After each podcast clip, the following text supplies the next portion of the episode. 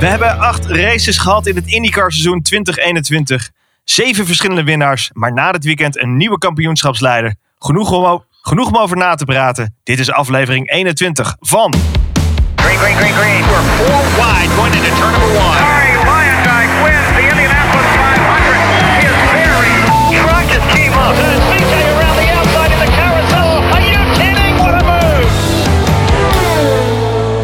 Dit is Green Green Green, de podcast. Met René Hoogterp, Jeroen Demmendaal en Frederik Middelhof.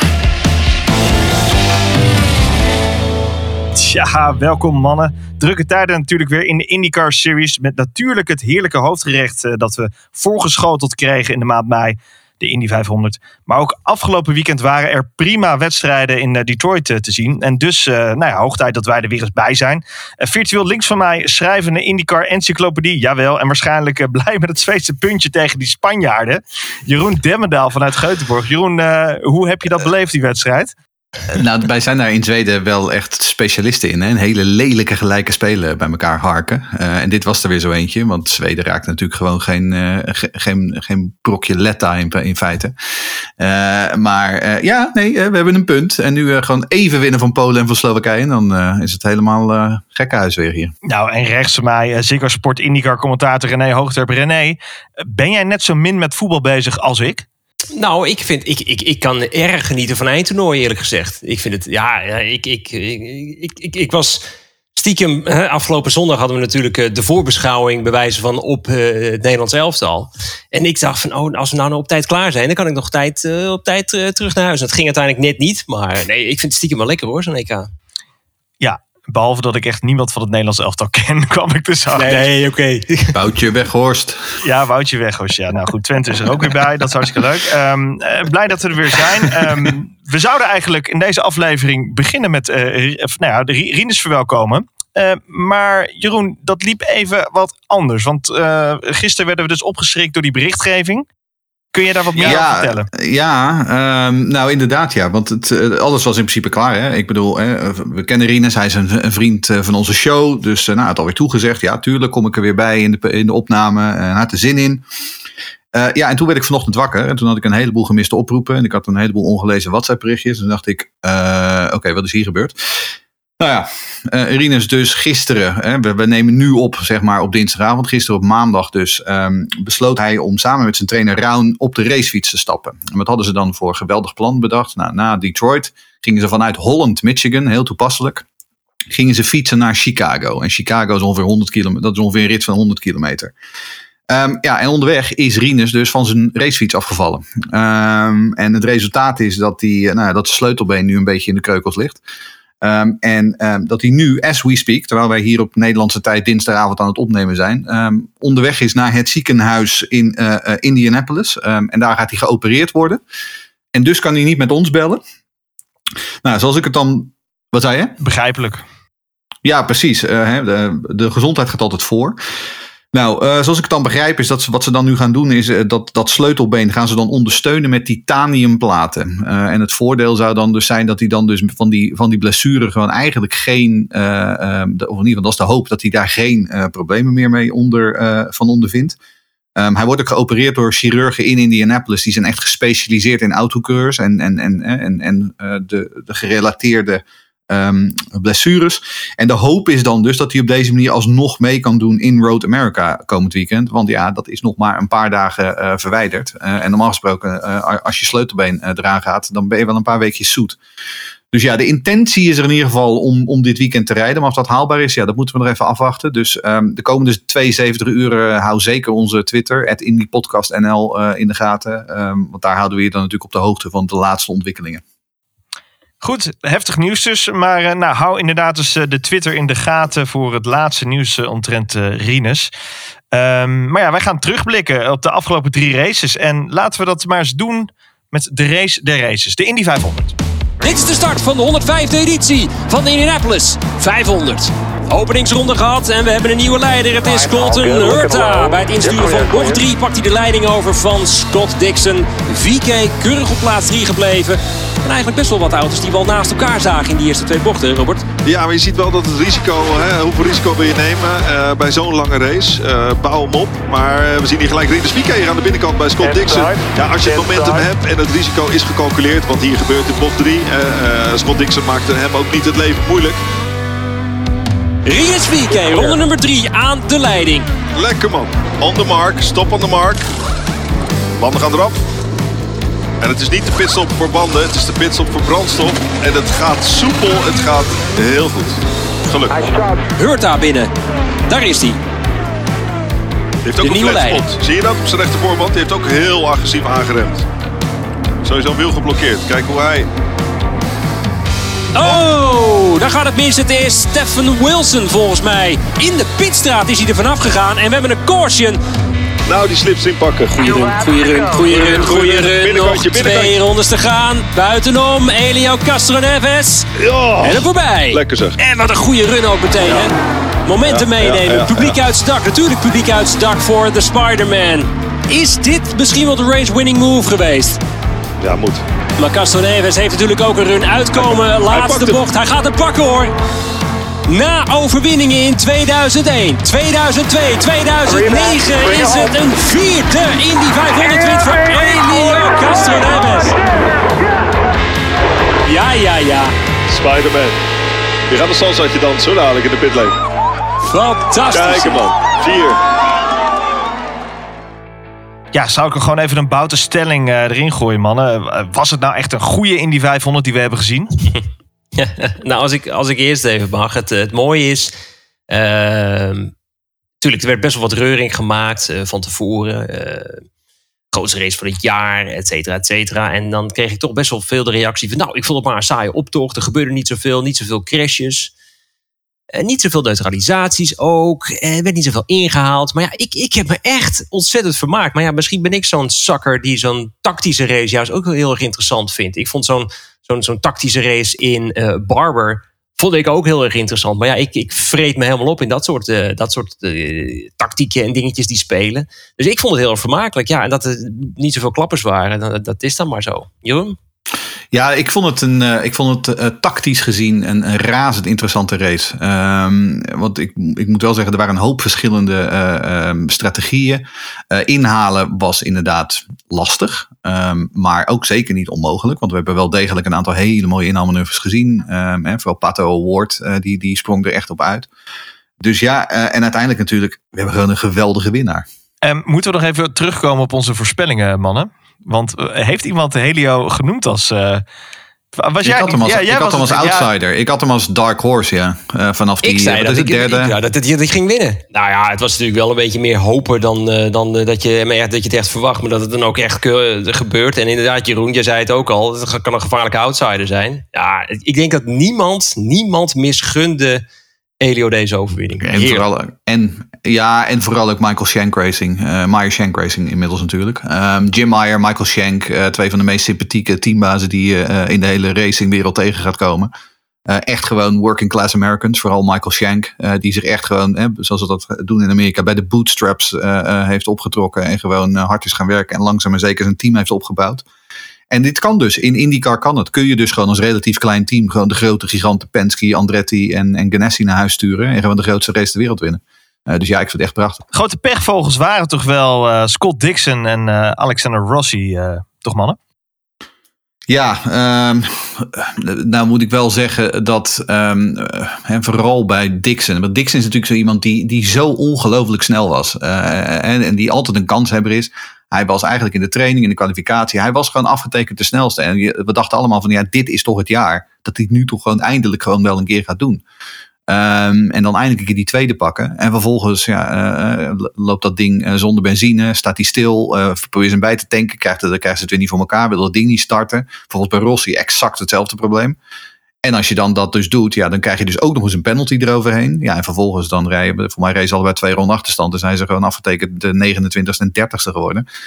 Ja, ehm, heel erg zuur. En ook natuurlijk voor dat kampioenschap. Hè? Want ik bedoel, uh, Dixon staat nog steeds derde in het kampioenschap. Maar hij heeft wel ontzettend veel punten verloren op uh, de Indy 500. Dan uh, naar de race van Rinus. Reed natuurlijk in de beginfase echt een fantastische wedstrijd. Eigenlijk tot over de helft van, van, van, de, van de race. En daarna had ik het idee, nou, werd uiteindelijk dus achtste. Maar qua strategie liep het daar toch even spaak, volgens mij. Hoe, hoe, hoe zagen jullie dat? Wat ik mooi vond in die openingsfase is dat het. dat, dat, dat, er was geen angst het was heel erg overtuigend, vond ik, wat we, hoe, hoe uh, Rinus rondreed. Uh, gewoon vrij snel P2 pakken en dan een halve ronde verder meteen de leiding overnemen. En dan vervolgens controleren. Dan vervolgens er wel achter komen van, hmm, ik weet niet of het wel heel handig is om nu echt heel veel rondjes aan de leiding te zitten. Laat ik dan in de volgende stint gewoon in de achtervolging blijven.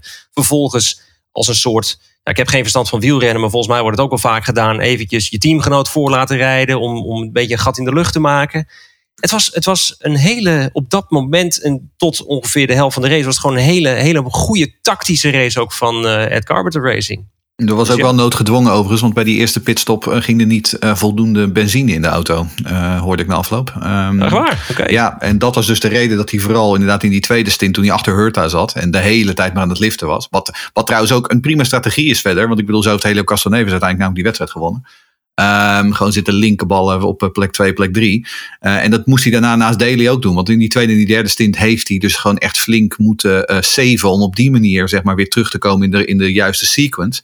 Ja, en dan vervolgens die laatste pitstop. Hè, want dat is het wel. In die laatste pitstop, dat is uiteindelijk wel waar uh, niet Rinus, zoals dat vorig jaar zo was. Maar in deze keer, dit geval, Ed Carpenter Racing echt een, een, een steek liet vallen. Um, was ook een vraag van, van Koen. En die wil weten, die zegt, ja, wat ging er nou precies mis tijdens die laatste pitstop in, in die 500? Nou, wat ging er mis? Uh, in eerste instantie gingen de verhalen dat uh, de airjack niet, zou, uh, niet goed zou werken. Um, maar dat bleek later niet correct te zijn. Wat er dus gebeurd is, is dat een van de monteurs bij het wisselen van de wielen de wielmoer van zijn sleutel af liet vallen. En vervolgens rolde die wielmoer dus weg, zeg maar, in de pitstraat. En toen moesten ze even op de knieën kruipen achter de wielmoer aan.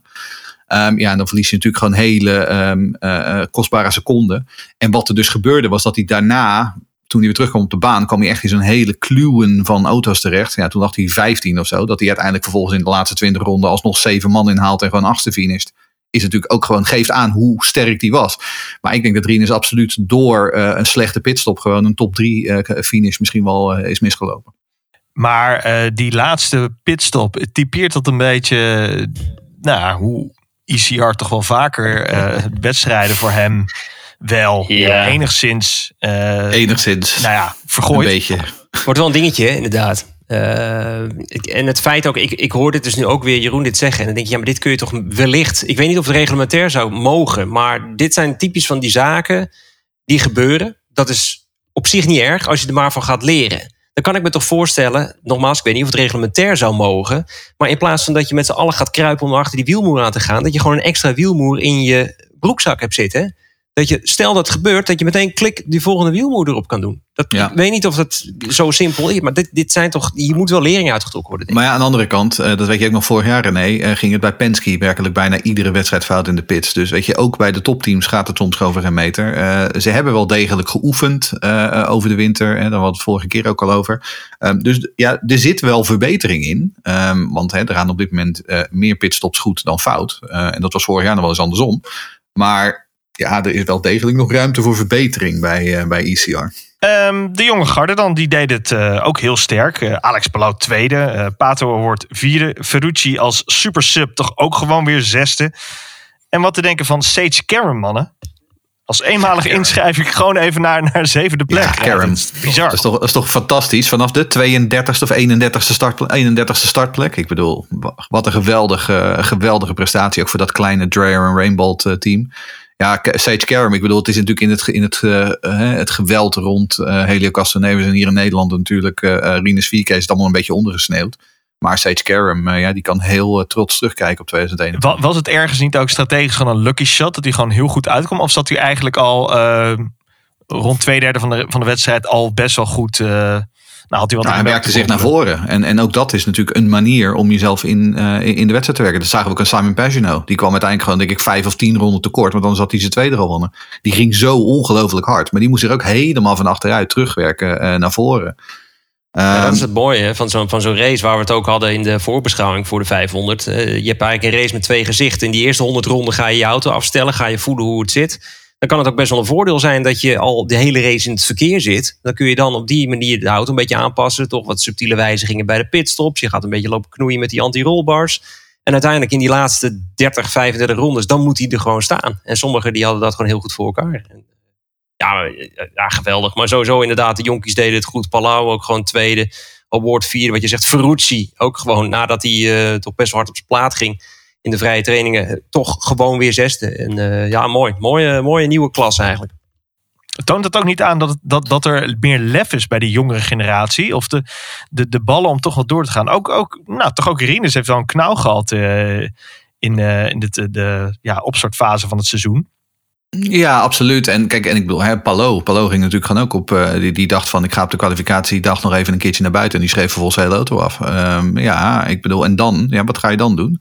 Eh, en toen hebben zij, de crew heeft inderdaad heeft, eh, eh, de hele nacht door moeten werken om zijn auto te, te repareren voor de Fast 9. En vervolgens zet hij hem gewoon alsnog op het startplek 4, startplek 5 neer. Ik bedoel, het, geeft ook aan. Hè? Ik bedoel, Alex Palou heeft wat dat betreft ook gewoon echt een uitstekende meimaand gereden. Ik bedoel, Rien is natuurlijk absoluut. Die heeft, wat, ik, wat, wat we eerder al zeiden, die heeft een gemiddelde startplek van 3,5 nu in de, in de Indy 500. Maar Alex Palou eh, laat zich ook gewoon echt van zijn sterkste kant zien. En maakte daar ook een hele grote stap richting eh, de kop van, dat, eh, van het kampioenschap natuurlijk. Over sterkste kant gesproken, René. We hadden weer toeschouwers.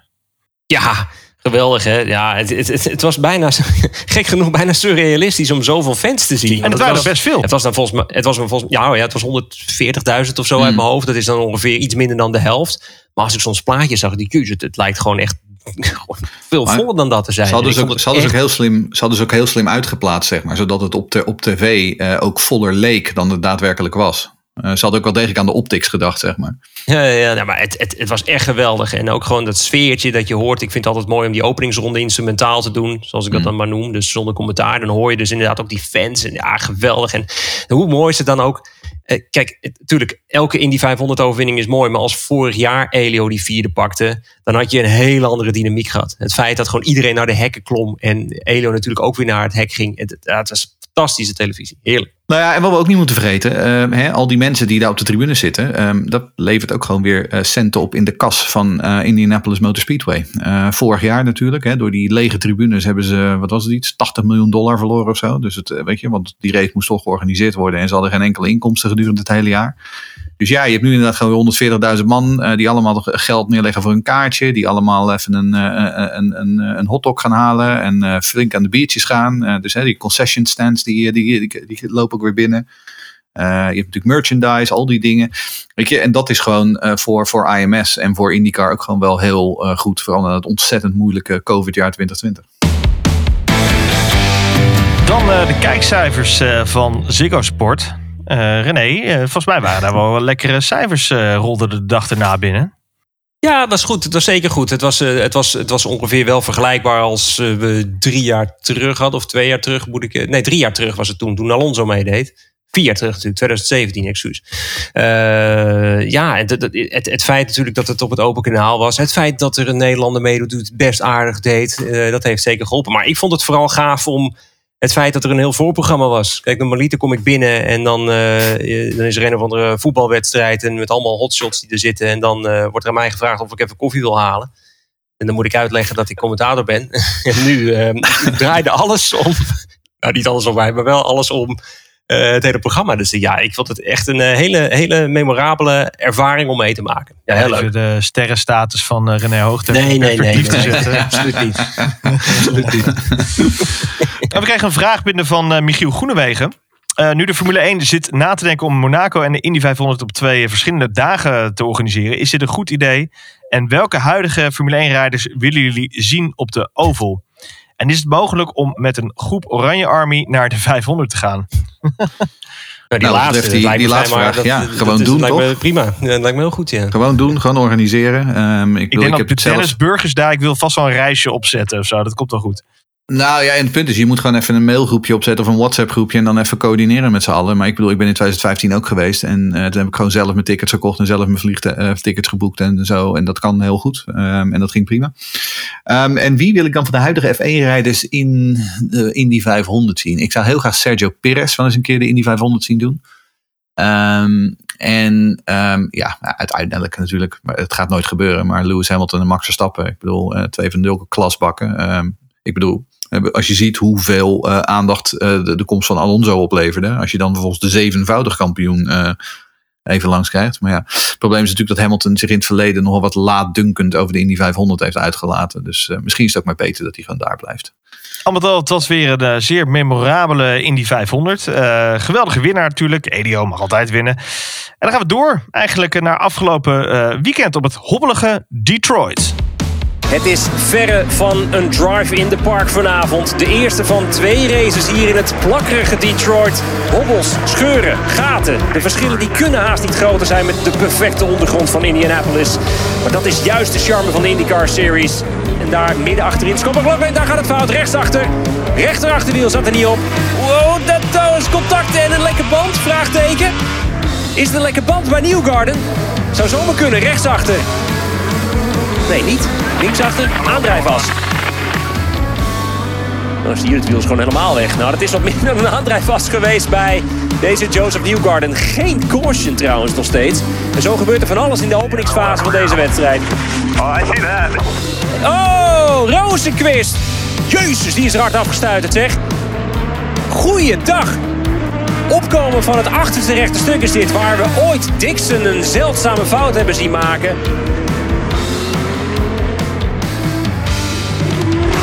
Oh nee, oh nee, oh nee. Oh mijn god, hoor je dat? Daar blijft gewoon het gas hangen. Luisteren.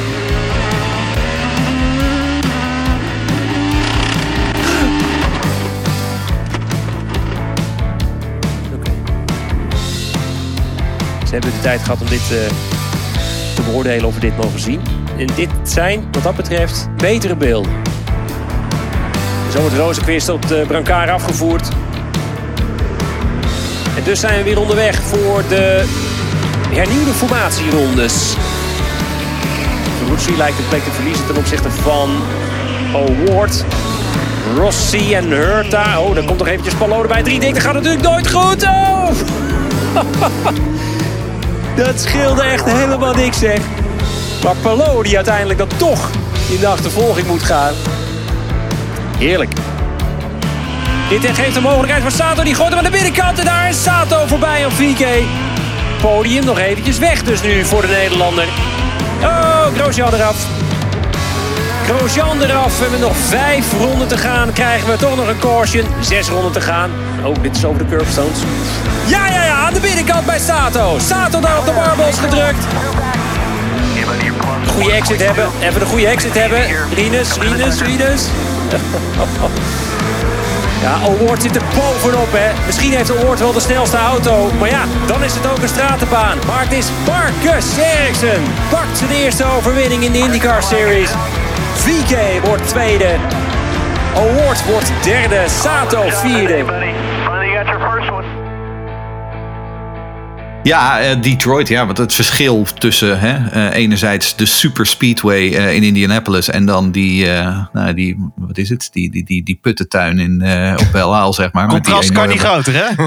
ja, ik wil, het is echt wat een contrast. Maar dat is ook het mooie van IndyCar. Hè? Ik wil, ik zat de week voor Detroit inderdaad ook met, ehm, met Felix Rosenquist en Pato Award op een media call. En, en Felix zei dat ook. Hij zegt, het is twee weken geleden eigenlijk nog op een super smooth asfalt, zeg maar, in Indiana. Hij zegt, en nu uh, zit je gewoon, uh, hij zegt, je vliegt meer door de lucht dan dat je op de baan rijdt op Detroit. Hij zegt, dat is wel het mooie aan IndyCar. Dus ja, we hebben twee uitstekende races gezien. Vol spektakel. op het altijd uitdagende en prachtige gesitueerde Belle Isle. dus ja, ik, ik, ik heb echt ik heb heel erg genoten afgelopen weekend. Wel een weekend met twee gezichten. Uh, laten we eerst even naar die zaterdagrace kijken. Uh, Marcus Eriksson wint daar. Uh, geholpen door het feit natuurlijk Power stilvalt. Hè, laten we wel wezen. En Power was op zijn powers natuurlijk weer nermused. Mad at IndyCar. Because I'm the first car in. And they wait for the last car to come to get a fan on that car. And it roasts the ECU. You work your ass off in this sport. so much money goes into it, and it's just dumb decisions like that. Like, oh man, if it's not a yellow they throw, it's some stupid idea like this, a red flag. De woede van Will Power, of eh, eh, hoe mooi teleurstelling kan zijn. Ehm, kijk, het is natuurlijk volledig begrijpelijk eh, dat hij na die wedstrijd er zo bij zit. en dat hij vervolgens begint te voeten op de wedstrijdleiding. En alles en iedereen heeft het gedaan, eh, behalve Will Power en, en Penske zelf. Want we hadden een vraag van Roland van der Plas. En die vraagt, heeft Will Power echt een punt eh, eh, met, met, dat, eh, met die kritiek op de wedstrijdleiding over dat ze sneller de fans toe hadden moeten laten? Eh, en dan hebben we dus die cooling fans, heb ik het dan over, niet de toeschouwers. Ehm, en hij vraagt, had Rinus er ook last van? En krijgt Power hier nog last mee? Want hij sprak wel zonder filter, kunnen we zeggen. Nou, dat laatste niet, eh, want iedereen kent Will Power inmiddels wel een beetje in IndyCar. Hij komt En- uit Toowoomba. En hij komt uit- was met filter. ja, ik wil zeggen, hij komt uit Toowoomba inderdaad. En eh Will Power is een beetje rough around the edges, zoals we het hier wel vaker gezegd hebben. Dus dit hoort erbij. Ehm, maar had Rinus er ook last van? Nee. En nu komen we inderdaad op de crux. Want het punt is namelijk, eh, als je kijkt naar al die eh, auto's die in de pitstraat stonden. En die allemaal zeg maar stonden te warmen. ehm, er was maar één auto die het niet deed. En dat was de auto van Will Power. En dat was de auto van Team Penske. Want eh, vlak daarachter stond Marcus Ericsson. En vlak daarachter stond Takuma Sato. En vlak daarachter stond Rinus VK. Nou, die stonden allemaal misschien een paar seconden minder lang stil. Maar die auto's deden het allemaal. Dus Will Power, ehm, hij klaagt eh, heel erg snel over de wedstrijdleiding. Maar ik denk niet dat dat fair is. Ehm, ik denk gewoon dat er een probleem, een onderliggend probleem was in die Team Penske auto. En dat daar het probleem zat. Ehm, dus ik snap waarom Will doet, zeg maar. In het heetst van de strijd, vol adrenaline nog. Maar uiteindelijk denk ik toch dat Team Penske vooral eh, de oorzaak bij zichzelf moet zoeken. Ja, hij had het over dat er geblazen fans op die ECU's moesten gaan eh, worden gezet. Nou, en dat is dus ook weer zoiets. Als je vervolgens naar de, ehm, de boordradio gaat luisteren. ehm, en dit heb ik ook niet, heel, niet zelf gedaan. Maar ehm, mijn, onze collega Marshall Pruitt heeft dat wel gedaan. En die heeft in zijn laatste podcast dat uitgebreid uitgespeld. En die zegt, als je goed luistert naar wat Will zegt. Hij heeft het helemaal niet over de ECU. Hij zegt, ik heb een fan nodig. Because I'm dying here. I'm passing out here. Hij heeft het alleen maar over zichzelf. Dat hij het zelf zo warm heeft. En later, in dat interview met NBC, heeft hij daar vervolgens een verhaal. Nee, want ik had die fan nodig voor de ECU. Ja, dat is onzin. Dat, dat, dat was. Dat, ja, dat vult hij na afloop zo in. Nou ja, goed, dat, en ik snap het allemaal wel in het heetst van de strijd. Maar uiteindelijk, ehm, weet je, eh, de enige auto die het niet deed, was die van Will Power. En alle andere 23 auto's die er stonden, deden het wel gewoon toen ze maar opgestart moesten worden. Dus nou ja. Maar ik begrijp wel de, de, de frustratie natuurlijk. Want jongen, jongen, hij heeft zoveel pech gehad. Volgens mij Mm. was het twee jaar terug ook. Ja, ja, Detroit, absoluut. toen viel hij ook, eh, was Tuurlijk. liep er een wiel af ook bij een pitstop. Dus het, het valt allemaal niet mee. Ehm, het was natuurlijk uh, Romain Grosjean die die rode vlag eh, veroorzaakte. Er is een vraag binnengekomen van Robin. Die vraagt, wat vinden jullie er eigenlijk van... dat er een, eh, als, er een rode, eh, als er een rode vlag komt in de slotfase van de wedstrijd. Eh, volgens mij was het ook Detroit 2017 uit mijn hoofd... dat ze dat ook deden toen Pickett zijn motor opblies... En toen dachten ze ook van, eh, nee, we gaan, er toch, we gaan eh, toch niet onder geel eindigen. Ja, dat heeft toch een beetje met de show te maken. Ja, ik hou er wel van, eerlijk gezegd. Ja, en ik denk ook dat het zoiets is. Kijk, weet je, die auto van Grosjean stond daar wel gewoon echt slecht. Eh, en ik weet niet of die nou zo ontzettend beweegbaar was. Ehm, eh, ik, dus ik bedoel, ik, ik denk Ja, dat maar, je, het ja, maar je had ook vijf rondjes achter de PSK kunnen zitten. Dat bedoel ik eigenlijk meer. Dat had gekund, maar ja, goed, dan had je misschien wel moeten finishen onder geel. Als je ze nu rood gooit en vervolgens inderdaad eh, vijf, zes ronden nog groen op een vlag krijgt, dan krijg je dus inderdaad wat je zegt, qua show krijg je gewoon een beter resultaat. Dus ik, ik, kan, er- ik kan er heel goed mee leven. Werd hij terecht we- weggebeukt door die fire marshals? ja, ja, ja, dat was trouwens in de tweede wedstrijd. Hè? Die, eh, ja. met, die, met, die, met die brandende, met die brandende riem, rem inderdaad. Ja. Komen zo op, komen zo op. Dus weet Marcus Ericsson won dus. Volgens mij was het sinds 2011 of zo, hè? 2013. 2013. 2013. GP2 was het nog. Ja. zijn, eh, zijn laatste overwinning. Eh, dus dat eh, was natuurlijk heerlijk voor hem.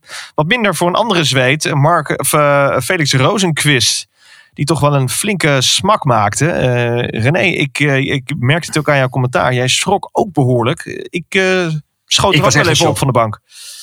Ik was echt in shock toen ik dat hoorde. Eh, Nee, laat ik het anders zeggen. Dat de eerste shot kwam en ik zag al vrij snel... dat is de, dat is de, de, de rechter knik opkomen achterste rechte stuk. Ik weet niet welk bochtnummer dat is, maakt niet zoveel uit. Maar in ieder geval die, die, niet een hoge snelheidsbocht. En ik zag hem op zo'n manier zo hard rechtdoor gaan. Ik denk, dit, dit is, dit is, er moet iets echt vreselijk fout zijn gegaan. Dit, dit kan niet een normaal incident zijn. Nou, toen kwam de herhaling en toen hoorde je vrijwel meteen dat er eh, vol gas gegeven werd op een punt waar je dus nog echt nog flink bezig bent met remmen. En eh, ja, ik vond het een vreselijke klap om te zien. En nog steeds elke herhaling, het, het gaat echt op merg en been, die klap. Nou, en het rare was natuurlijk dat vervolgens Arrow McLaren na afloop een, een persbericht uitbrengt en zegt van ja, nee, we hebben uitgesloten. Het heeft niks met de elektronica te maken. Uh, het had, was geen driver error. Uh, en we hadden een issue. Oh, nou oké. Okay, ja, we, we, hebben allemaal die boordradio gehoord hoor jongens. Het was overduidelijk een stuck throttle. Uh, en dan kun je ja. wel bij hoge laag volhouden dat het niet zo was. Dat is gewoon een fly-by-wire. Nou wat, ik, nou, wat ik me heb laten vertellen, en dat is zeg maar um, iemand die um, bij uh, Dallara dit soort dingen wel een beetje weet. Um, hoe het zit, zeg maar, is dat ze inderdaad een kabeltje hebben, zeg maar, die als het ware die, die throttle sensor, zeg maar, nou ja, in, hè, die, die, zeg maar, die throttle sensor verbindt. Um, en dat waarschijnlijk wat er gebeurd is, is dat door al, dat ge, uh, ge, door al die bumps op Detroit, dat gewoon dat kabeltje losgeraakt is. En wat er dan gebeurt, op het moment dat dat kabeltje losraakt, op dat moment uh, gaat dus de, uh, de throttle volledig open. Dat, dat zou toch niet mogen kunnen? Dat zou toch niet maar mogen gebeuren. En wat, gaan, ja. Maar, wat, maar, en, wat, nou, en wat dat dan dus verklaart, is dat er dus iemand is die die auto heeft voorbereid, zeg maar, voor Felix Rosenquist. En misschien niet helemaal goed dat kabeltje uh, ge gecontroleerd heeft. En dan kan ik me voorstellen dat ze bij Aaron McLaren zeggen: laten we er maar een PR-verhaal omheen draaien. Ja. En zeggen dat we een issue hebben. Want dan hoef je namelijk je eigen mensen niet af te vallen.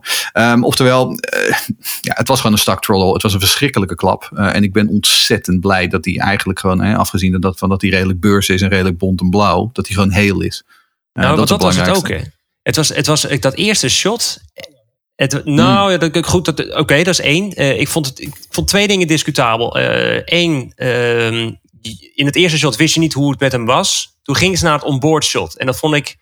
Aan de ene kant dacht je wel, oké, okay, hij is bij kennis. Maar ik vond het zeker niet prettig om te zien. En ik nee. denk heel veel mensen, mensen niet. Um, je zag echt dat hij. Dat, dat was, je weet hij niet of hij pijn, pijn je had. Zag die, of shock, je zag die grimas kan ook in shock zitten. Ja. Het was echt, echt heel, heel vervelend om naar te kijken. Uh, anderzijds zag je dat buitenshot en het, het, werd natuurlijk een beetje afgedekt door die, ik noem het even die afdekplaat, waarin uh, de banden zijn bevestigd aan die betonnen muur. Die was natuurlijk los. Uh, en die lag gedrapeerd over de neus. En het leek in het eerste shot er echt op dat die hele uh, monokok, het neusgedeelte, afgebroken was. En daarom zei ik ook iets van uh, dat die hele voorkant van de auto, dat bevalt me helemaal niet wat ik hier zie. Uh, gelukkig bleek toen dus die, dat, dat de monokok, de survival cell, die enorme klap gewoon wel heeft opgevangen. En dat, en dat is dan wel weer de kudo's richting de Laren, dat ze dat wel goed voor elkaar hadden. Ik ben echt ja. zielsgelukkig dat die daar goed vanaf is gekomen. Ja, en volgens mij de, de crashstructuur van, van die bocht daar ook is, is, er, is er volgens mij ook helemaal niet op berekend om zo'n impact te maken daar. Nee, maar het punt is natuurlijk ook bij zo'n auto uh, in die bochten daar. Want het is zo'n snelle links-rechts combinatie. Kijk, jouw gas hoort daar niet opeens vol open te gaan. Zoals, en dat is het natuurlijk ook. Kijk, en daar kun je niet tegenop beveiligen, zeg maar, wat betreft de, de veiligheidsstructuur rond zo'n baan.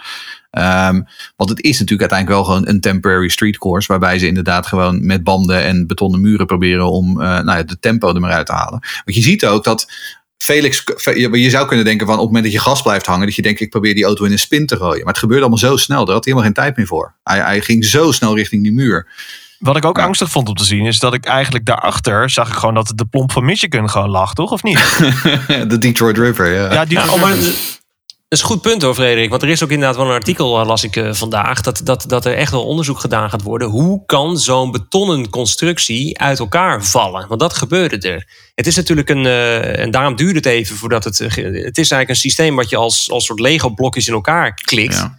En dan is het heel vreemd dat er één onderdeel daartussen zomaar kan omlazeren.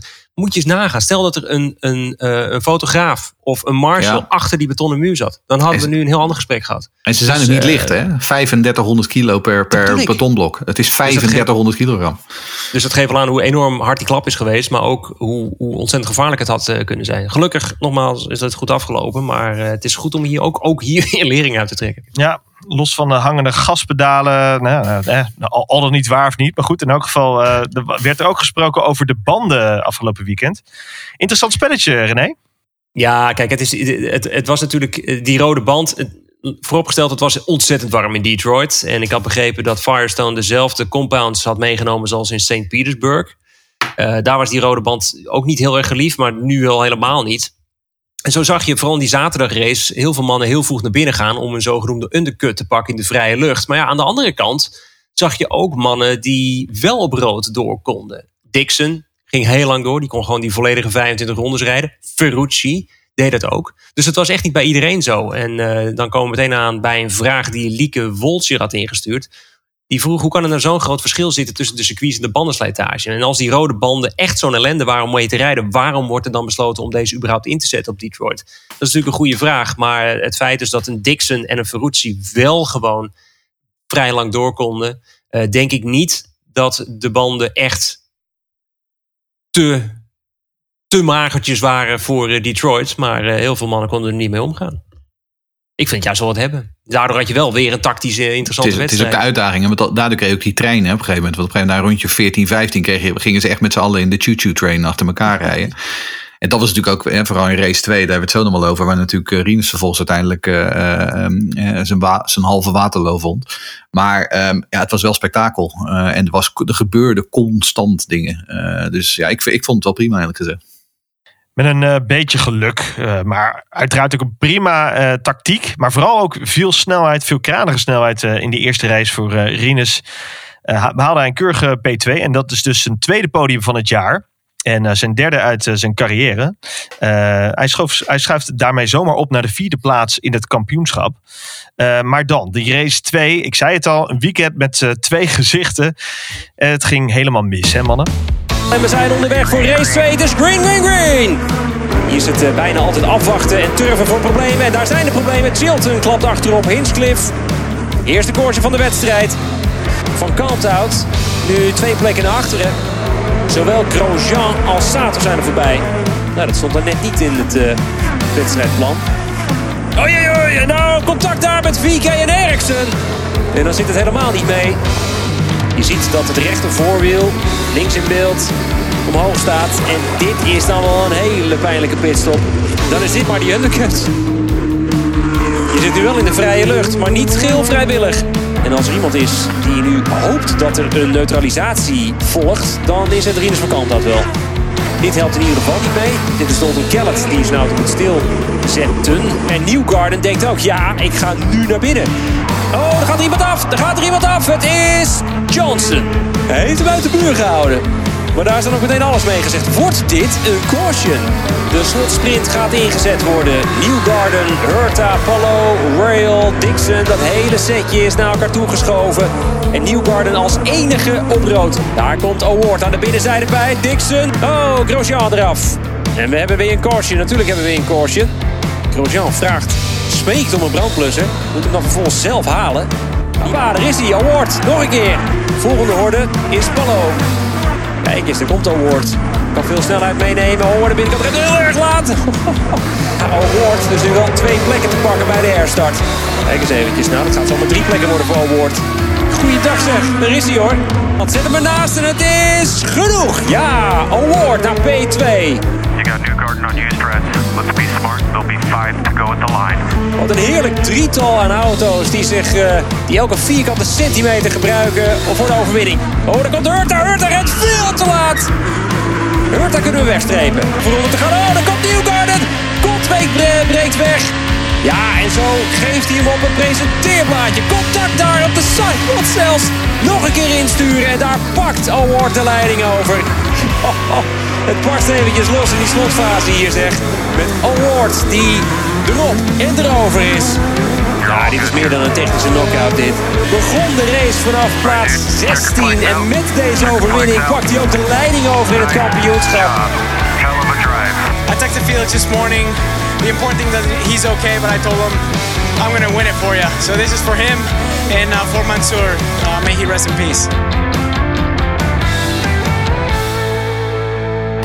Ja, want ehm, hij stond na race 1 inderdaad vierde in het kampioenschap. En na race 2 was dat weer vijfde. Ehm, want dat was omdat hij in race 2 als achttiende finishte. Ehm, ja, en het probleem is, ik denk dat dit wel een moment is waar je een beetje ziet dat Ed Carpenter Racing nog zoekende is als het gaat om het worden van een topteam. Of ze dat ook daadwerkelijk kunnen, dat laten we even in het midden, dat weet ik niet.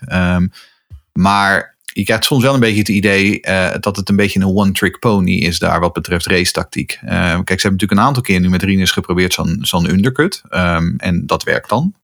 Het probleem is alleen, dat werkt heel goed als je bijvoorbeeld zoals in race 1 als twaalfde start. Kijk, dan kun je denken van, nou, ik neem eens een gokje zeg maar en ik ga eens proberen. Sowieso ook was het natuurlijk een groene vlag, terwijl toen Rinus een undercut deed in die, in die eerste race.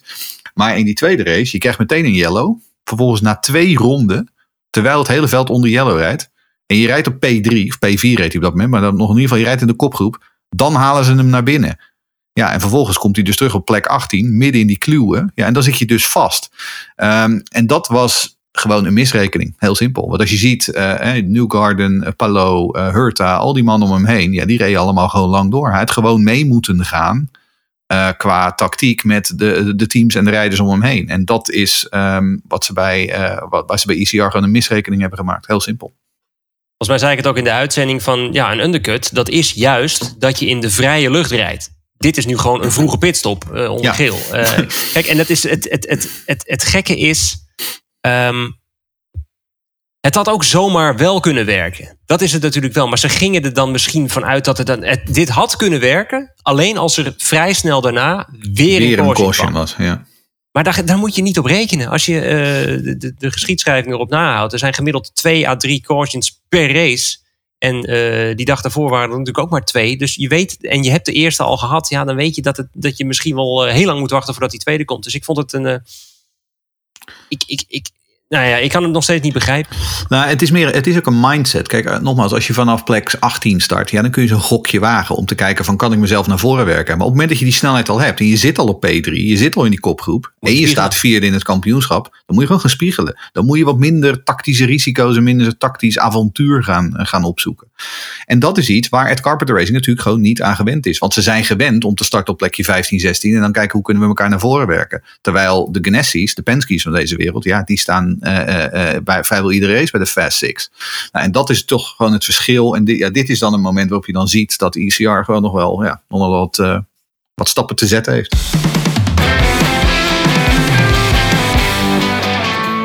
Nog een vraag dan van Monique Boermans. Zij vraagt zich af, iets meer, algemenere zin. Zijn pitstops nou te trainen, zoals Red dat bijvoorbeeld doet? Want ik vind het er vaak zo rommelig uitzien.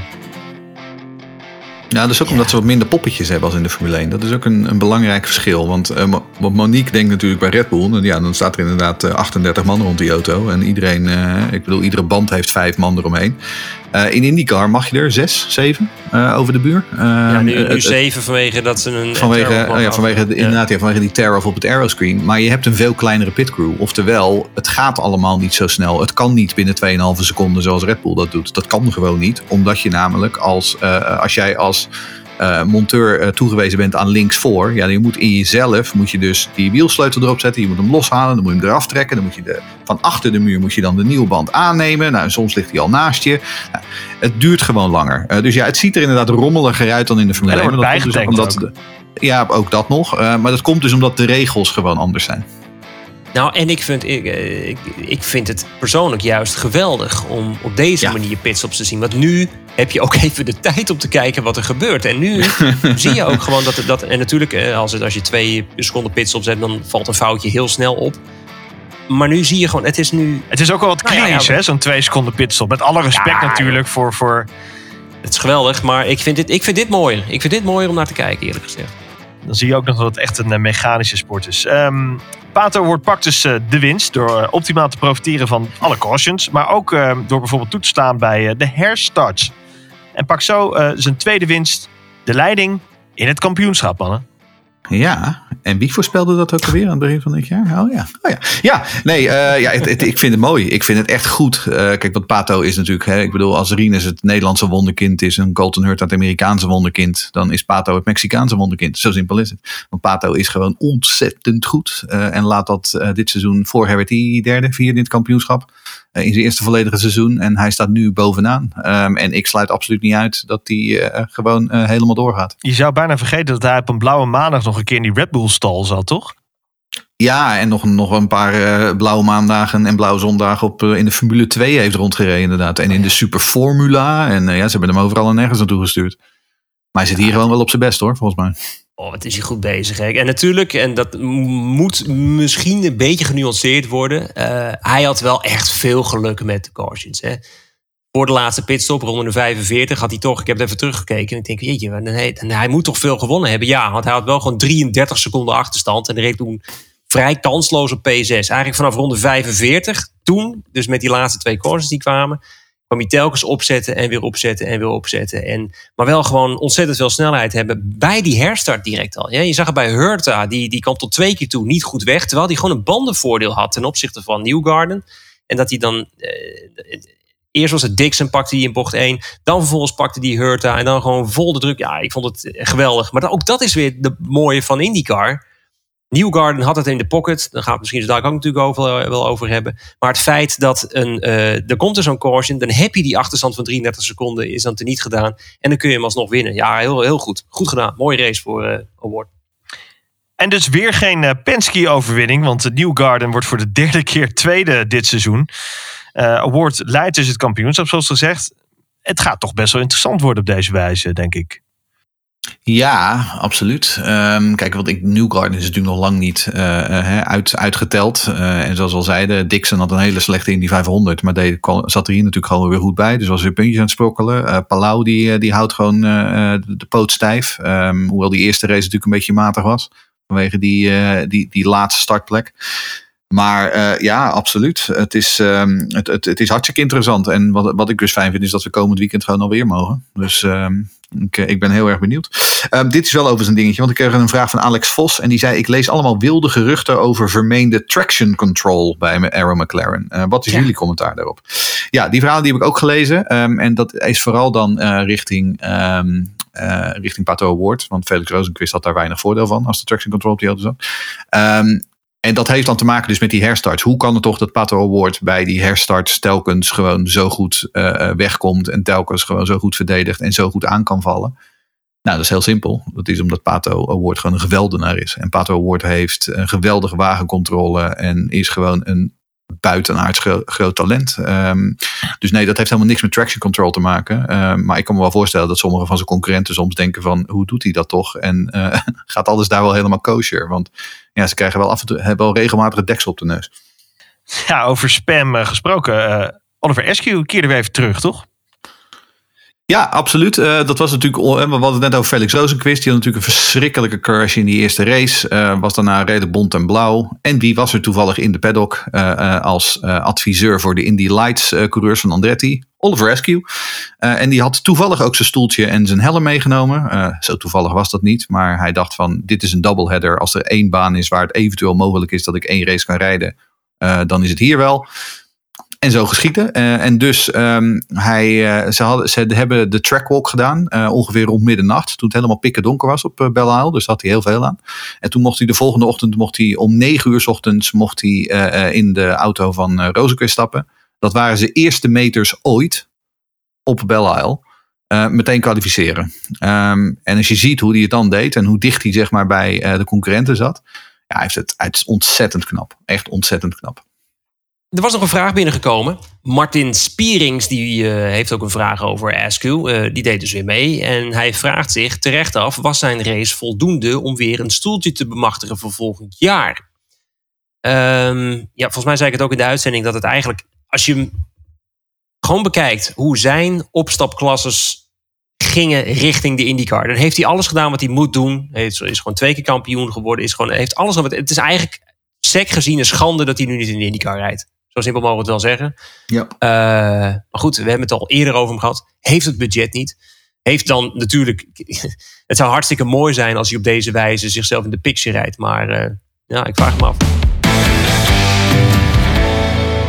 Tja, omdat het Canadese uitje in Toronto ook dit jaar niet doorgaat, eh, kunnen we voor het gemak zeggen dat we halverwege het seizoen zitten. Dus tijd om de tussentijdse rapporten op te maken. Wie vallen er mee, wie vallen er tegen? We gaan even een bloemlezing doen. Jeroen, René, wie hebben jullie op jullie shortlist staan? Eh, ja, kijk, als ik naar de drie mannen moet noemen die mij echt positief op, opvallen als we naar het eerste seizoenshelft kijken, dan moet ik toch, los van Award, maar dan ga ik toch naar Palo. Waarom? Omdat het vooral onverwacht misschien is. Eh, hij was natuurlijk heel dominant in, in Barber Motorsports Park tijdens de opener. En toen dachten we misschien van, nou, dat zal wel een one-day fly zijn. Dat je denkt van, nou, leuk, eh, hartstikke goed. Kijk, had natuurlijk even een, een off-day in eh, St. Pete, maar dan vervolgens in Texas staat hij erbij. Eh, tijdens de Indianapolis Grand Prix staat hij erbij. Tijdens de Indy 500 staat hij erbij. Het is gewoon echt een constante, eh, constante score. En dat hij dan nu, oké, hij heeft er nu de, leiding van het kampioenschap verloren. Maar hij heeft een, een compleet punt achterstand. Dus waar hebben we het over? Ik, ik vind het echt eh, heel positief. Heel positief hoe Palou zich heeft ontwikkeld. Na een redelijk debuutseizoen. Maar nu wel gewoon bij Ganassi. En hij is gewoon de beste Ganassi nu. Dus je doet het goed. Heel ja, ik had, eh, ik had Pelot ook op mijn lijstje staan van top 3 met meevallers. Eh, maar dat is ook omdat ik voor aanvang van het seizoen, eh, dat heb ik hier wel eens eerder gezegd, ik was niet 100% overtuigd van Pelot. Ik denk, nou, ik moet het nog maar zien of hij op kan leven tegen de druk. Ehm, maar als je kijkt, eh, hij heeft al drie podiums, eh, nee, vier podiums, waaronder één overwinning. Ehm, eh, hij staat inderdaad gewoon netjes tweede. Dus ja, hij, hij, hij heeft zich veel sneller zeg maar, naar de max van die auto gereden dan ik verwacht had. Ik had verwacht dat hij meer tijd nodig zou hebben. Ehm, maar wat je zegt, hij staat voor Scott Dixon. En als je voor Scott Dixon staat, dan moet je iets goed doen. tweede die ik op mijn lijstje had staan, ik ben benieuwd of jij hem ook hebt staan, Jeroen, is Santino Ferrucci. Die heb ik erop gezet. Want eh, positieve Mhm. meevallen mocht natuurlijk als super sub in, eh, in de van, nou niet helemaal waar, eh, gewoon in de derde auto bij Rail Letterman Lanigan. Heeft natuurlijk, zoals we volgens mij net ook al zeiden, eerst een keer op zijn bek gegaan tijdens de vrije trainingen, maar wel gewoon teruggekomen en weer gewoon een goed resultaat neergezet. Werd zesde. En in Detroit ook gewoon sterk. Wat we ook al zeiden, die rode band. Hij was samen met een Dixon, waarvan we al weten dat hij een bandenfluisteraar is. Kon hij als enige ook gewoon die rode band eh, goed, goed managen. En ik, eh, ja, ik, ik, ik hoop. eh, er zijn geruchten en verhalen dat die nummer 45 vaker gaat komen. Dus de auto van Ferrucci. dat die vaker ingezet gaat worden dit jaar. Ik hoop dat Ferrucci zelf daar ook nog mag in plaatsnemen. Natuurlijk, hij is verguisd in Europa. En we kennen dat verhaal inmiddels wel. Maar het is, Nou ja, stiekem, hij is stiekem goed hoor. Nou, precies. Leuk- drie, leuk drie wedstrijden, drie keer in de top 10 gefinished. Ik bedoel, dat is een beter gemiddelde dan zowel Rail als eh, Sato. Ehm, en eh, die, die Hy-Vee, hè, die, eh, die grote supermarktketen uit de Midwest, eh, die willen er graag op staan. Die vinden dit wel interessant. Eh, dus ja, absoluut. Ik ben het met je eens. Hij staat overigens niet op mijn lijstje. Ik heb Romain Grosjean erop gezet. Ehm Oké. Romain Grosjean Echt? heeft een, een pole, een tweede plek. Eh, die gaat absoluut nog een wedstrijd winnen dit jaar. Daar ben ik echt van overtuigd. Ehm, want ook daar weer, hè, eh, Romain Grosjean. We dachten, ja, hoe lang gaat het duren voor hem om zich aan te passen? Nou, eh, het blijkt helemaal niet zo lang. Hij gaat gewoon als de brandweer in, in dat ding. Gaat ook later dit jaar gewoon de oval op Gateway rijden. Ondanks dat hij aanvankelijk geen ovals wilde doen. En dat is dan natuurlijk, hè, hij heeft een beetje de Indy 500 koorts gekregen. Want hij was daar op Indianapolis. En toen zag hij iedereen die had, als andere vriendjes waren in de, in de speeltuin aan het spelen daar. En hij stond aan de kant en hij dacht, dat wil ik ook. Dus ja, hij gaat nu, eh, ik denk dat hij volgend jaar gewoon fulltime gaat. Ehm, en eh, het is een absolute aanwinst voor, eh, voor de IndyCars. Je zei het zo mooi, Jeroen. je, hè, dat Romain zag dan de andere coureurs in de speeltuin. Ik wil ook meedoen. En je ziet gewoon het plezier. Elke keer wordt hij geïnterviewd en hij heeft Ja. zo'n smile op zijn gezicht. Ja, ik vind, het, ik vind het echt geweldig om te zien. Dat iemand ook op die manier gewoon het plezier in racen terugkrijgt. Hij hoeft zich Ja. ook helemaal niet te bewijzen ook, hè? En volg, hem ook op, eh, en volg hem ook op Instagram als je dat nog niet doet. Want hij eh, rijdt namelijk door Amerika heen in een RV. Eh, en dat is de manier waarop hij eh, Amerika aan het ontdekken is. Terwijl hij van race naar race rijdt. Ehm, en ik geloof dat de komende maand ook zijn, zijn, zijn familie overkomt, zeg maar. Dus dan maken ze er een lange vakantie van. Ja, het is prachtig. Die man is gewoon Amerika aan het ontdekken. En inderdaad gewoon de, de liefde en het plezier in het racen weer aan het terugvinden. Dan komen we weer terug eigenlijk wat Frederik eerder zei over... nou, vonden we terecht dat hij weggeduwd werd eh, bij eh, het zelf blussen van de auto. Ja, ik vond het... Ik, vond het eh, ik wou hem niet maken in de uitzending natuurlijk... maar het is natuurlijk best wel een vreemd gezicht... dat hij na eh, een half jaar, ruim een half jaar na dat vreselijke ongeval in, eh, in Bahrein... dat hij dan weer uit een auto moet springen die toch er, ergens wel in de brand staat... maar dat hij dan in plaats van... dat hij dan toch denkt, nee...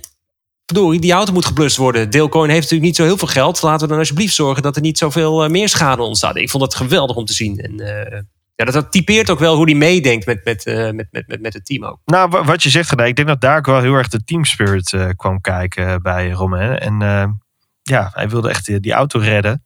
Volgens mij vindt het uiteindelijk best wel mee, toch? Maar hij kreeg wel een t-shirt van de brandweer van Detroit, zag ik. Eh, dat, dat vond ik dan wel weer heel erg gaaf.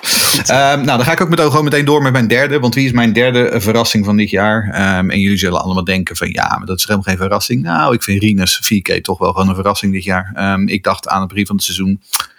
Hij werd vorig jaar veertiende. eh, dus als hij dit jaar bij de beste tien, nou vooruit misschien beste acht zit, dan doet hij het heel erg goed. Eh, en vervolgens na de eerste race Detroit stond hij 30 punten achter op de kop. En was hij gewoon titelkandidaat. Ja, hij heeft een tegenslag gehad eh, ehm, in die tweede race. Eh, hoe Road America gaat, dat moeten we nog even afwachten. Maar het feit dat Rinus gewoon toch wel redelijk eh, stabiel en solide in die top 6 van het kampioenschap staat met het kleine ECR. Ja, ik vind dat gewoon, dat valt me echt heel erg mee in heel positieve zin. Ik, eh, ik had hem bewust niet op mijn lijstje staan, omdat het, nou wat je al zei, Jeroen, dat het eigenlijk is, hoort hij op dat lijstje te staan. Maar ik denk, doe het dan bewust niet. Ik heb een, een wat makkelijkere eh, optie genomen, namelijk door eigenlijk het complete startveld. De kwaliteit van de kopgroep, laat ik het maar zo noemen. Ehm, je had natuurlijk eerst dat je, eh, we hebben het volgens mij in onze allereerste podcast, volgens mij hebben we het over gehad. Hè? Je hebt de, de grote teams. Mm. Uh, Ganassi, Penske, Andretti. Eh, en dan heb je daarachter heb je dan Rail Letterman, Lanigan Racing. En nu heb je McLaren erbij. Je hebt iedereen zit erbij. Je hebt niet echt meer een kop. Een, een, een, een, een, een, een kopgroep. Het is gewoon ontzettend breed. En het feit dat we dus acht races hebben gehad. Zeven verschillende winnaars. Ja, ik, het, echt. Ik, we hebben het al vaker gezegd. En natuurlijk moeten wij dat ook zeggen. Maar ik zeg het nog maar een keer. Ik vind IndyCar echt echt op dit moment de meest fantastische raceklasse. De meest competitieve raceklasse die er is. En het is een genot om daarnaar te mogen kijken. Can I get an amen? Amen, amen. Maar ja, dan moeten we, moeten we toch naar negatief eh, gaan, hè, jongens? Ja, nou ja, eh, zullen we hem inkoppen dan maar? Ik begin.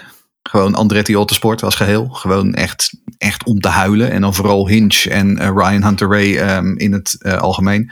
Vorig jaar zeiden we dat Colton Hurta de enige was die zich eh, aan de malaise onttrokken. Maar inmiddels had ook Colton Hurta gewoon negende. Ehm, en die moet wel heel veel goed maken. Wil hij nog mee gaan doen om de titel. Dan hebben we Alexander Rossi. Die staat op een plek 14. Nou, eh, Alexander Rossi. ehm, eh, ik bedoel, die is het ook wel gewoon echt, echt kwijt weer. Ehm, Dit hele Ryan- seizoen nog niet in de top 6 geëindigd, hè? Nee, exact ja. Nog niet in de top 6 geëindigd. Ik bedoel, dat is gewoon absurd. Alexander Rossi. Jeroen, kun jij gissen naar de reden waarom ehm Andretti zo slecht gaat dit seizoen? Ik vind het een hele. Ik weet het niet, om heel eerlijk te zijn. Ik, ik snap het niet, want ze hebben op het eerste gezicht namelijk alles. Eh, ze hebben goede coureurs, ze hebben eh, volop financiën, ze hebben goede engineers, ze hebben vier auto's, dus zat met data. Ze zijn een van de paradepaardjes van Honda samen met Ganassi. Ik, ik, ik snap er echt geen hol van. Ehm, Ryan Hunter Ray, ik bedoel, daar hebben we natuurlijk al eens eerder gezegd. ehm, is die niet wel gewoon een beetje eh, eh, eh, over zijn, door zijn beste jaren heen, zeg maar? Zit hij niet een beetje in de herfst van zijn carrière? Ehm, hij staat zestiende. Hij, heeft één tiende plek. Dat is zijn beste resultaat dit jaar. In een Andretti-auto. Dat is een voormalig kampioen, voormalig in die 500 winnaar. Dat is gewoon niet goed genoeg. Maar als je denkt dat Ryan Hunter Ray een slecht seizoen heeft. James Hinchcliffe, 21ste in het kampioenschap. Beste resultaat, 14e. Die is niet eens in de buurt geweest van de top 10. Ehm, dus ik, ik, ik, en, en Hinchcliffe staat, eh, die staat achter Santino Ferrucci. Hoewel, terwijl Hinchcliffe acht, acht wedstrijden heeft gereden en, en Santino Ferrucci drie dit seizoen. Hij heeft Ehm, evenveel punten als Elio, hè? als Helio. het, is, het, is, het is echt, echt huilen met de pet op bij Andretti. En om eerlijk te zijn, ik weet niet of het zo 1, 2, 3 nog beter gaat worden. Ehm, Colton zat er natuurlijk in Detroit wel redelijk bij. Had vooral in die eerste wedstrijd wel gewoon een beetje pech ook. Ook weer met de, met de cautions. Maar eh, ja, ook Colton heeft gewoon niet. eh, we hebben hem één keer zien schijnen in, in St. Petersburg. Toen domineerde die, reed hij iedereen het, het snot voor de ogen. Dat vegen ze nu nog steeds van hun helm af. Ehm, maar verder hebben we hem eigenlijk gewoon niet echt gezien. En dat is, ja, het is, het is, het is jammer. Ja, ik had Hinchcliffe had ik gewoon als persoon erbij gezet op mijn lijstje. Maar eerlijk gezegd, ja, een compleet team van Andretti. Ik ga er toch ook een team in gooien. Eh, toch een onvoldoende halverwege. En dan zeg ik toch het team van Penske. Het is natuurlijk best raar dat je acht races hebt gehad. En dat je nog geen enkele overwinning hebt staan. Natuurlijk, je hebt je, je, hebt je, je, je paradepaardje Joseph Newgarden staat al binnen de top 5. Maar dat is het dan ook. Moet ik wel eerlijk zeggen.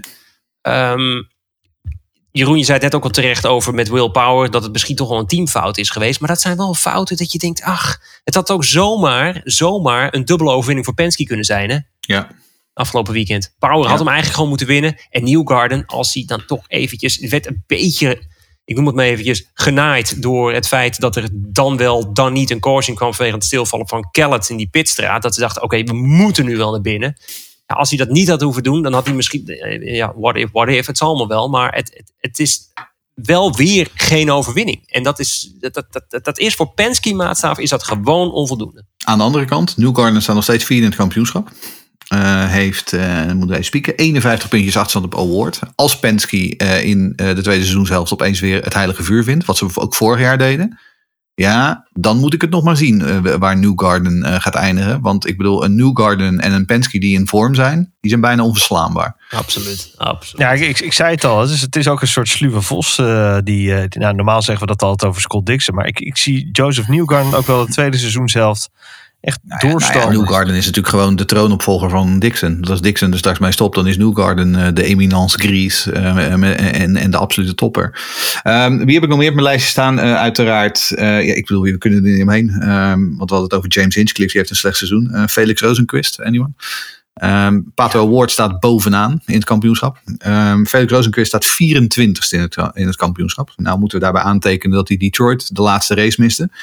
Maar ehm, ik weet niet wat er met Felix aan de hand is. Ik, ik, ik weet het echt niet. Ik heb het idee, hij loopt een beetje met zijn zieltje onder zijn arm. Ik heb het idee dat hij het niet naar zijn zin heeft. Ik heb het idee dat hij eh, eh, ontzettend eh, gebrek aan zelfvertrouwen heeft op dit moment.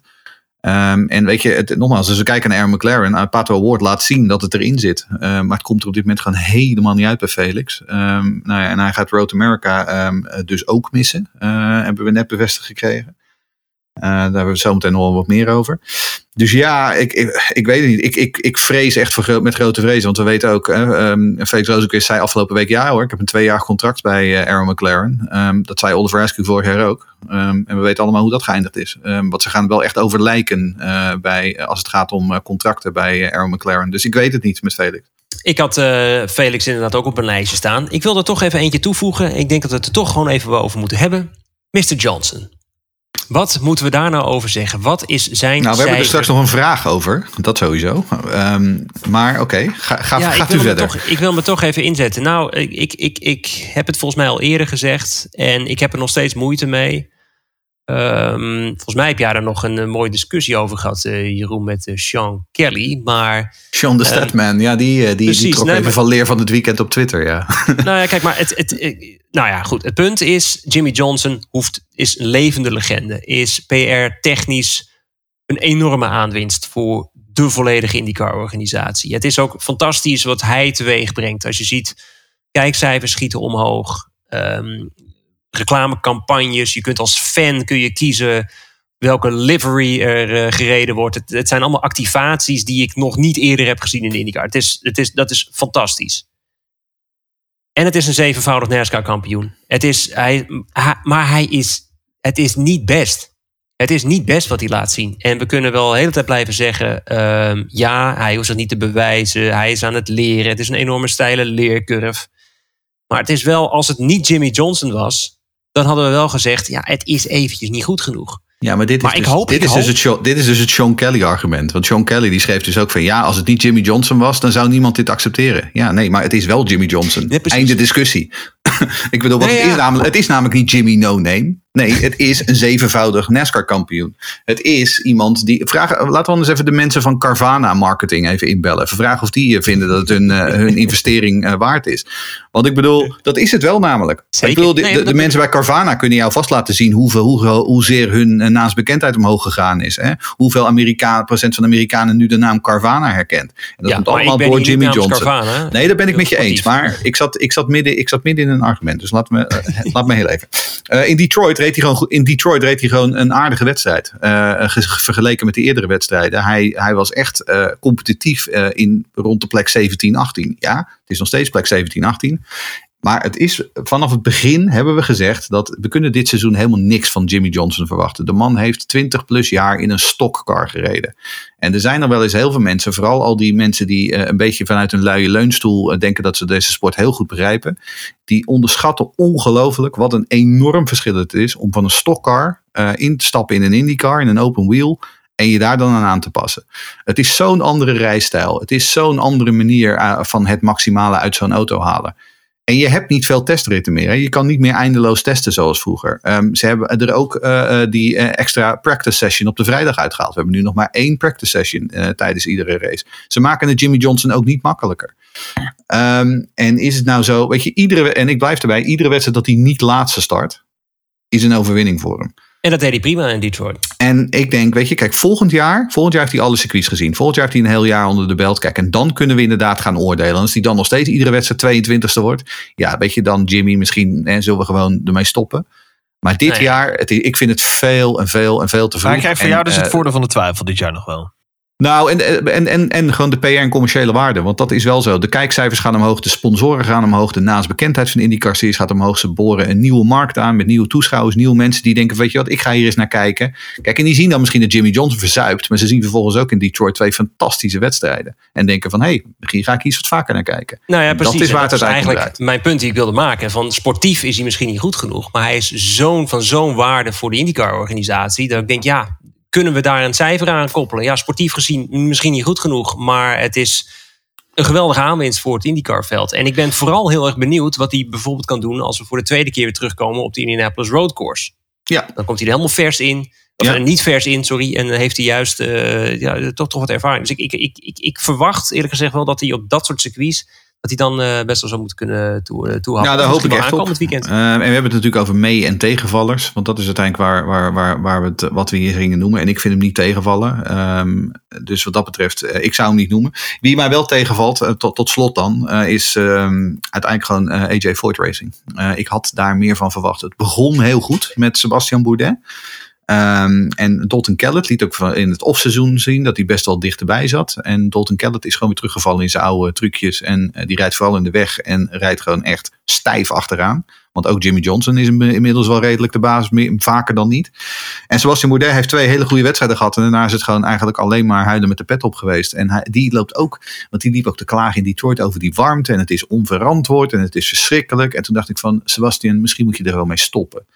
Misschien moet je gewoon lekker, eh, weet ik veel, World Endurance Cars gaan rijden of zo. Eh, en eh, om heel te zijn, ik sluit het niet uit dat hij straks gewoon met Peugeot tekent voor 2023. Dus ja, AJ Foyt Racing.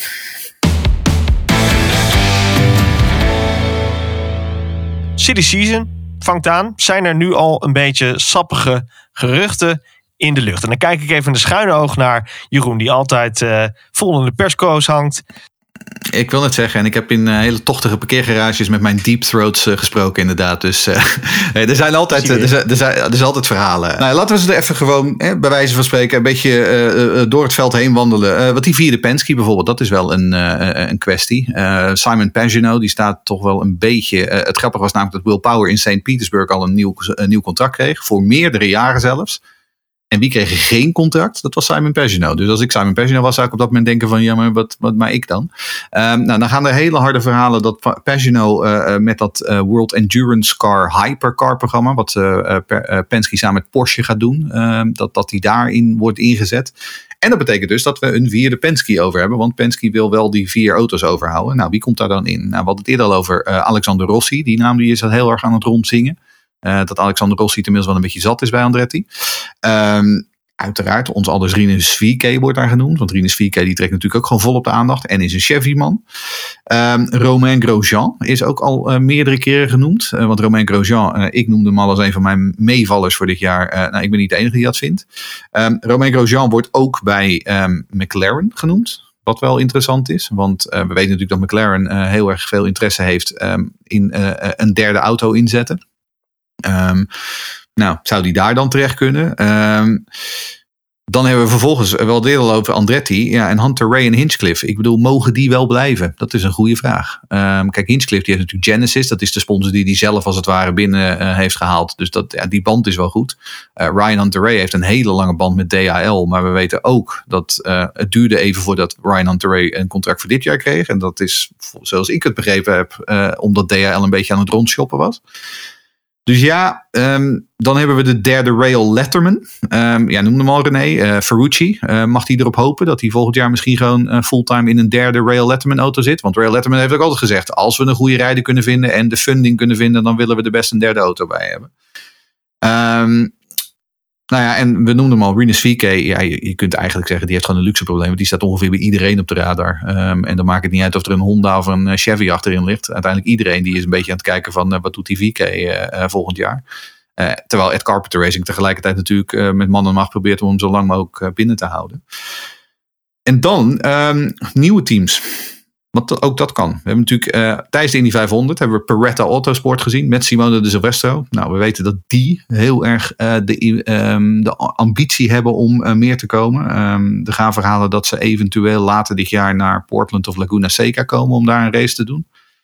Ehm, en dan hadden een vraag van Bram van Doren. Die vraagt, komen er nog nieuwe rijders uit de Indy Lights? Nou, wie de Indy Lights volgt, die weet dat het op dit moment eigenlijk gewoon tussen drie man gaat daar. Dat zijn Linus Lundqvist uit Zweden.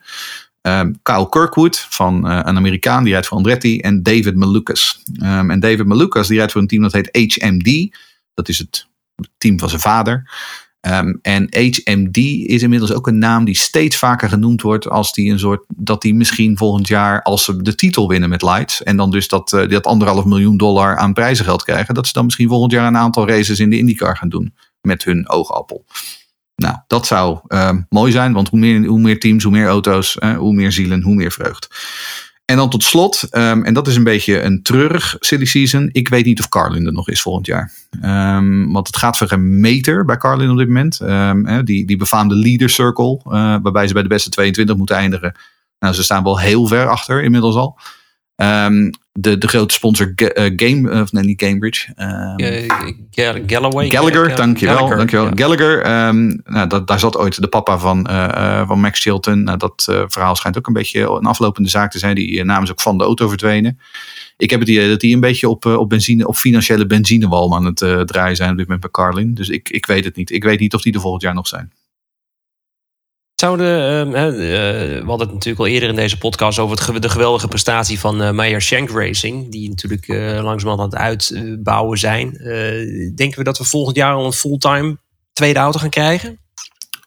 Nou ja, kijk, het punt is, ik denk dat uh, Meyer Shank wel gaat kijken. Hè, zeker als je nu net met Helio gewoon uh, de, de Indy 500 hebt gewonnen. Of je daar dan misschien wat nieuwe sponsors mee binnen kunt halen. Ja, en dan kunt zeggen in plaats van zes races. Want dat hebben ze natuurlijk ook met Harvey ook gedaan. Hè. Ze begonnen met zes, toen werden het tien races, toen werd het fulltime. Nou kun je nu, omdat je de Indy 500 hebt gewonnen, alvast in één keer van zes naar. Hè, want hij gaat de zes races doen dit jaar. Hij doet er in de tweede helft van het seizoen nog een aantal.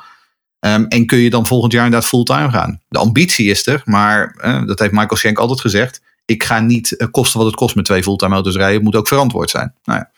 Um, laten we het hopen. Want ja, het is een interessante, interessante extra entry als je die zou hebben. Dan. Ja, absoluut. Hey, absoluut waar. Uh, nog meer silly season. Uh, wat gebeurt er dan met de tv-deal, René? Een vraag van Etienne Peters. Blijft IndyCar definitief bij Ziggo? En zo ja, in welke vorm dan? En een gespiegelde vraag dan aan Jeroen. Gaat IndyCar naar Viaplay voor Nederland? nou ja, ik denk het meest makkelijke antwoord is... ik heb geen idee. Nee, ik heb ook geen idee. Ik weet het, en ik weet het oprecht ook nog niet. Um, het is natuurlijk heel politiek om toch te zeggen: ja, maar ik ben nu bezig met 2021 om gewoon lekker 2021 af te maken. Maar dat, dat is het ook eigenlijk wel gewoon. Um, nou ja, we ik, kunnen op zich wel stellen dat we een groot interview met Wil Moerer in de krant hebben gelezen. waarin hij wel de ambitie ja, heeft om dit aan te houden, in principe. Ja. ja, en dat vond ik heel, dat vond ik heel erg positief om, om te horen. En uh, hart, hartstikke gaaf natuurlijk. Maar uh, naar mijn weten is er gewoon uh, wordt elk jaar de IndyCar-rechten gewoon met een jaar verlengd. En het werd eigenlijk altijd gedaan uh, om te schaduwen tot aan het Formule 1-contract. En dat, dat is niet meer dan logisch. Dat je gewoon, uh, je kunt een lekker racingkanaal opzetten, lekker in de slipstream, laat het maar zo noemen, met de Formule 1, helemaal goed. Uh, maar ja, ik, ik, ik, ja ik, ik, ik, zie het wel. En als het naar een andere zender gaat, uh, ook goed. En als ik het niet meer dan kan doen, dan is het jammer. Maar dan is het ook zo. Dus ik, ik sta er wat dat betreft heel neutraal in eigenlijk. Nou, ik denk gewoon, kijk, wat, wat ik weet is dat hier in Zweden, want hier hebben we ook Viaplay, want daar, daar komen ze vandaan, uh, dat Viaplay hier eigenlijk gewoon op termijn over de, over de afgelopen jaren alles gekocht heeft wat los en vast zat. Um, dus zou het mij verbazen als Viasat zegt van, nou, hoeveel betaalt Ziggo? Zoveel? Nou, dan betalen wij het dubbele. Um, dat zou me niet verbazen. Uh, en dan hoop ik dat ze René gewoon een, uh, een aanbod doen dat hij can't refuse. En dat ze anders het aardig op zijn bed leggen. en dat, hij, gewoon, dat René gewoon lekker meegaat naar Viaplay. Nou, dat lijkt me hartstikke mooi. Um, maar we weten het niet. Het zal nog even afwachten zijn. Is misschien wel leuk om even te wandelen. Ik krijg een vraag binnen via het in die, pod, in die podcast snel van Juria Middelhof. Toevallig geen uh, familie. Maar hij vraagt waarom klinken die boordradio's toch alsof ze van de maan afkomen? Nou ja, ik, ik, ja dat, dat, kunnen meerdere zaken zijn. Het, enerzijds, wat wij horen, wil niet zeggen dat dat ook de kwaliteit is hoe de rijder en de engineer elkaar horen. Um, aan de andere kant, je hoort wel als een engineer praat dan is dat wel kraakhelder. En als een rijder praat, is het dan de broadcast toch wat minder. Ja, en ik kan me ook voorstellen, ja, het werkt toch? Ik bedoel, eh, we kunnen elkaar horen. Eh, er zitten niet enorme partnerships achter om, eh, om ja, de, de, de- het geluid goed te krijgen. En laten we ook niet vergeten, die IndyCars die maken gewoon een pestherrie. Dus het feit, het feit dat, eh, in de juiste zin des woords, dus eh, het feit dat je de rijder kan verstaan. Kijk, in de Formule 1, dan eh, maken die dingen amper geluid. Dan, dan is het niet zo moeilijk om een rijder goed te verstaan. Dus misschien is dat het wel. Nou, nee, dat, dat, ben ik niet helemaal mee eens. Echt wel de gesprekskwaliteit van, van de rijders die hoort, die is gewoon aanzienlijk opmerkelijk beter in de Formule 1. Maar daar sla je denk ik ook gelijk het punt aan. Formule 1. En ik denk als je ook kijkt naar Formule 1 weekend, dan zie je bijvoorbeeld bij de GPT of Formule 2 dat het tegenwoordig is. Dat klinkt ook niet. Dat het al helemaal waardeloos klinkt. Sterker nog, dat Ja, klinkt als precies. 8-bit radio's klinken dat. Ik denk persoonlijk dat er Ja, bij... het is gewoon breaky, breaky, breaky, toch? Gewoon zo'n ouderwetse... Zo klinkt het een beetje. Ik denk persoonlijk dat Nou. bij de Formule 1 zelf, eh, dat is natuurlijk zo'n grote, best wel kostbare tv-productie, dat ze daar gewoon extra manschappen hebben, die gewoon echt audio-processing doen, constant op alle dat, zou, dat zou best kunnen. Kijk, en de Formule 1 heeft natuurlijk gewoon ook een, hè, een Formule 1 team heeft een operational budget, wat eh, weet ik veel, honderd keer zo hoog is als dat van een IndyCar team. Kijk, weet je, als je wil dat alles lekker eh, in 4K HD klinkt en allemaal glad gestreken is, dan moet je gewoon lekker Formule 1 kijken. Formule, Fo- eh, IndyCar is gewoon een beetje puur, is een beetje rauw, is een beetje zoals het vroeger was. Eh, en ik vind dat helemaal prima. Of gewoon podcast guru bellen. Tot slot mannen, wat kunnen we verwachten van eh, de komende races, René? Ja, dit is mooi hoor. Ja, we gaan ons eh, klaarmaken voor een, eh, een, een, de, de twee mooiste roadcourses van de, van de kalender. Twee klassieke roadcourses. Ehm, ja, waar Rinus vorig jaar zich heel mooi deed gelden door twee buitenom inhaalacties eh, te doen. Ja, ik, ik, ik, vind het, ik vind het echt, echt.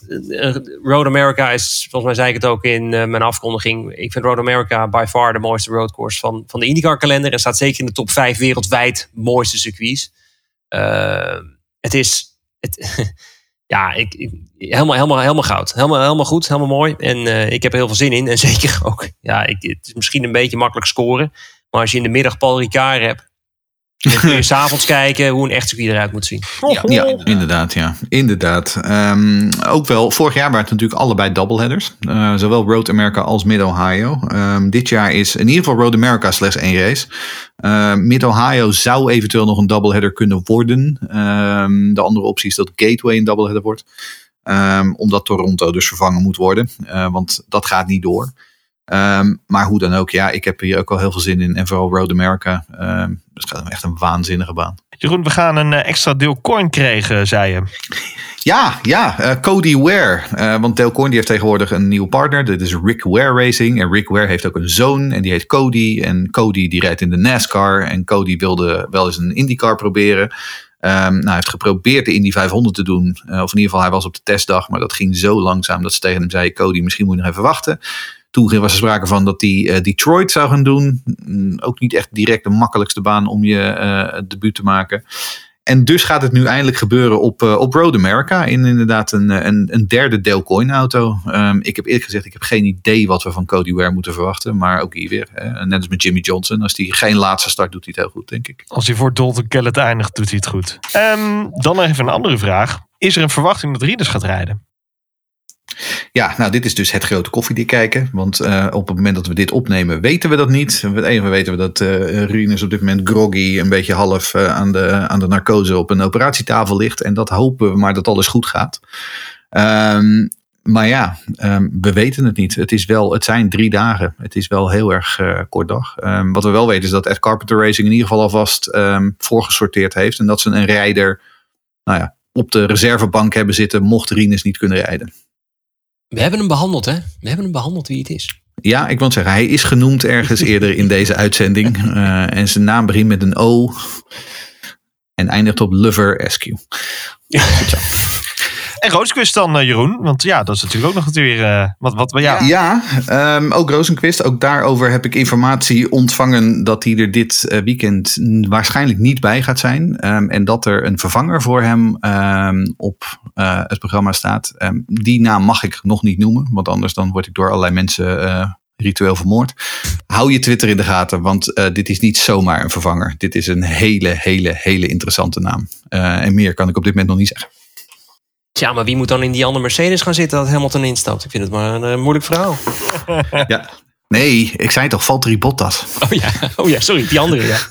Die andere Mercedes. ja.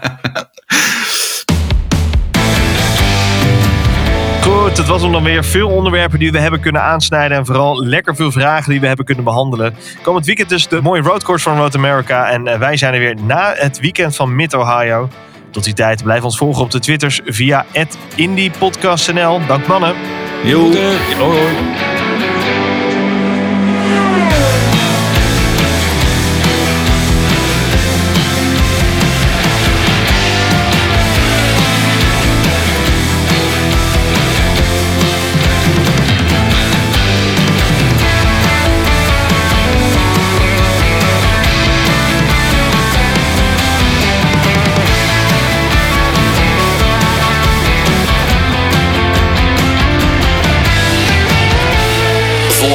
Laatste IndyCar nieuws van Green Green Green op Twitter via @indiepodcastnl en abonneer je op Green Green Green via je favoriete podcastplatform.